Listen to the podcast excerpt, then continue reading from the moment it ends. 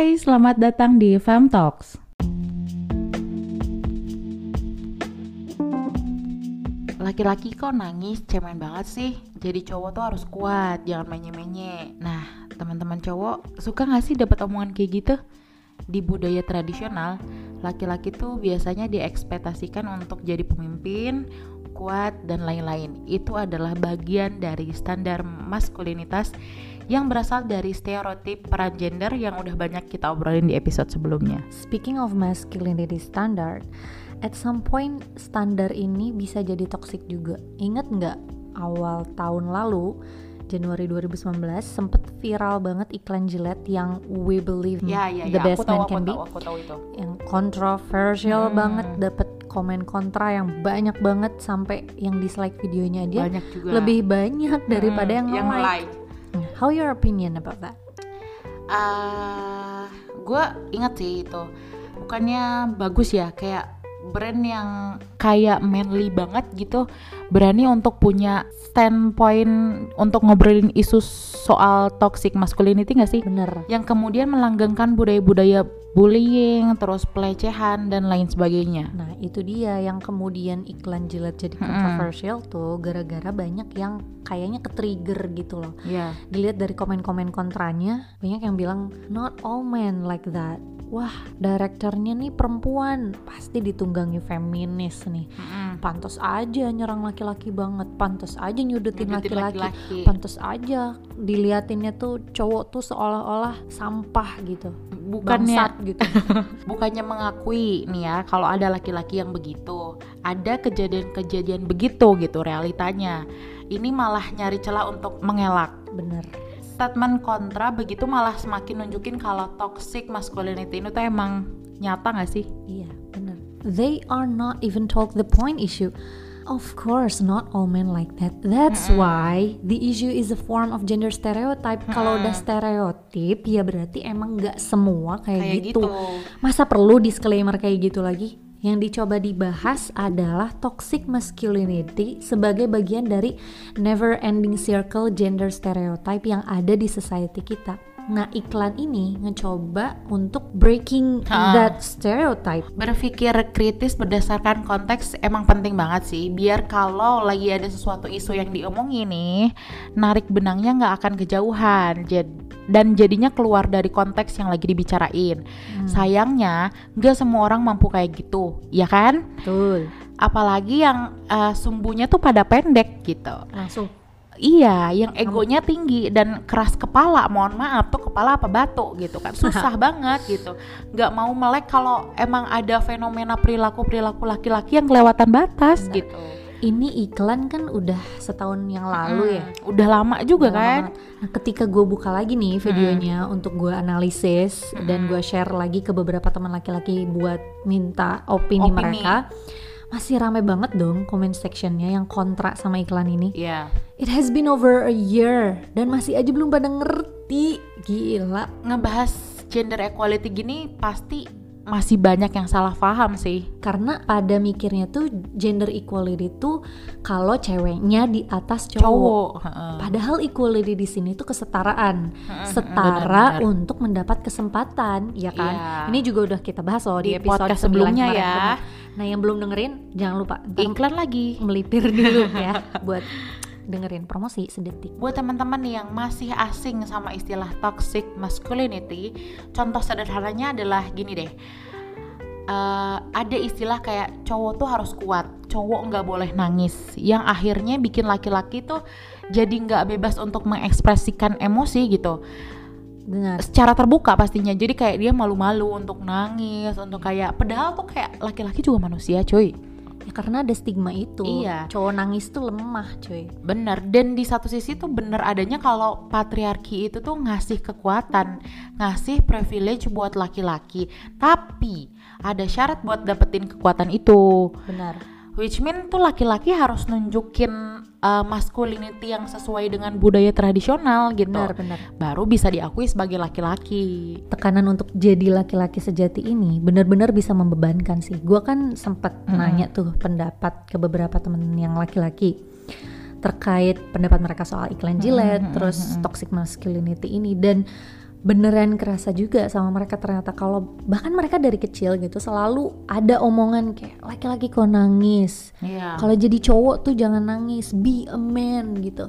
Dan kalau ada yang kelihatan nangis pasti diceng-cengin disebut ah lemah banget lah kayak cewek banget sih lu kayak gitu. Jadinya ya laki-laki itu kebanyakan susah untuk mengekspresikan emosi mereka Dan laki-laki yang ngebahas kondisi mental juga bisa mengurangi kejantanan gitu. Toxic masculinity ini tuh nggak hanya merugikan laki-laki secara personal menurut gue, tapi juga bisa ngebuat laki-laki menyakiti pihak lain. karena takut kehilangan maskulinitasnya Betul. itu tadi dan akhirnya mereka gelisah gitu. Ha-ha. Nah, some overcome the anxiety with with aggressive and dominant behavior.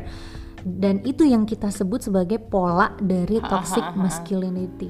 Terus nih ya, berdasarkan stereotip eh, gender di budaya tradisional, laki-laki juga dibebankan sebagai pencari nafkah. Itu sih. Itu juga beban mereka sih. ekspektasi di mana laki-laki harus mapan, memenuhi kebutuhan keluarga gitu ya kayak lo harus punya rumah ini itu segala macam gitu. Laki-laki dilihat kesiapannya tuh dari isi rekening. Benar. Misal nih ya, kalau jadi kalau laki-laki nih niat punya pasangan yang penghasilannya lebih dari dia, dia anggap itu bukan laki-laki. Iya, banyak yang bilang kayak ah, Iya, masa cewek lu lebih lebih dari heeh, ini?" lebih pendapatannya dari lo gitu kan. Itu bisa jadi toxic juga kan? tentu bener banget padahal relasi pasangan itu nggak perlu dilihat dari isi rekening kan tadi kita juga udah sempat bahas ya yang ditilai itu apa usahanya Betul. daya juangnya kegigihannya tapi ya lagi-lagi stereotip ya cuy selalu aja ada yang bikin hidup udah sulit jadi tambah sulit Istilah boys will be boys yang muncul di salah satu scene Gillette itu juga bagian dari toxic masculinity kan ya. Betul. Adegan di mana ada dua anak cowok nih berantem mereka atau eh, cowok yang catcalling gitu kan dan disebutnya tuh ya namanya juga cowok emang gitu gitu loh. Hmm, benar Nah di scene selanjutnya tuh eh, akhirnya si dua anak yang berantem ini tuh kan dilerai ya. benar Terus juga ada yang eh, si an si orang yang mau catcallingnya tuh di stop kan sama laki-laki lain gitu. Mhm. Visualisasi untuk berhenti punya mental boys will be boys. Ya, benar-benar. And instead, hold other men accountable for misogynistic attitudes and behavior. Nah, ya itu tadi scene yang pas mereka di, dilerai, pas anak kecil berantem sama yang di cat, yang mau catcalling di stop tuh, yaitu tuh eh, bagian dari cowok juga punya tanggung jawab untuk ya memutus rantai mentality boys Iya, will iya, be iya, boys iya, itu. Iklan Gillette ini tuh kan sebenarnya trying to challenge viewers to confront Me Too movement dan isu toxic masculinity yang bisa manifest dalam normalisasi perilaku bullying, pelecehan, ya termasuk catcalling itu, humor seksis, misoginis yang nantinya berhubung sama rape culture dan menormalisasi terjadinya kekerasan seksual lah.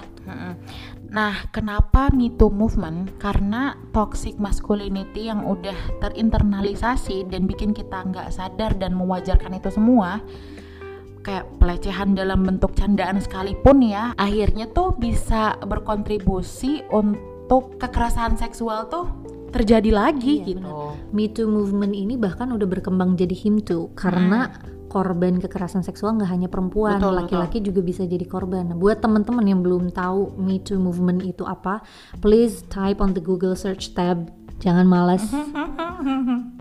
gue sempet baca sih tapi gue lupa ya based on research apa gimana tapi dari artikel itu ada yang bilang kalau toxic masculinity nih sebenarnya bukan penyebab terjadinya kekerasan seksual Tentu enggak dong. I think nobody ever mentioned that toxic masculinity is the actual cause of sexual violence. Maybe it could be, but it's not the only factor. Ya kan? It is about how toxic masculinity contribute in such way to the rape culture. Ah, I see. Seperti yang tadi dibilang kan ya, karena eh, udah selalu diwajarkan nih perilaku toxic maskulin itu tuh kayak ngelakuin humor seksis yang jadi misoginis gak sih?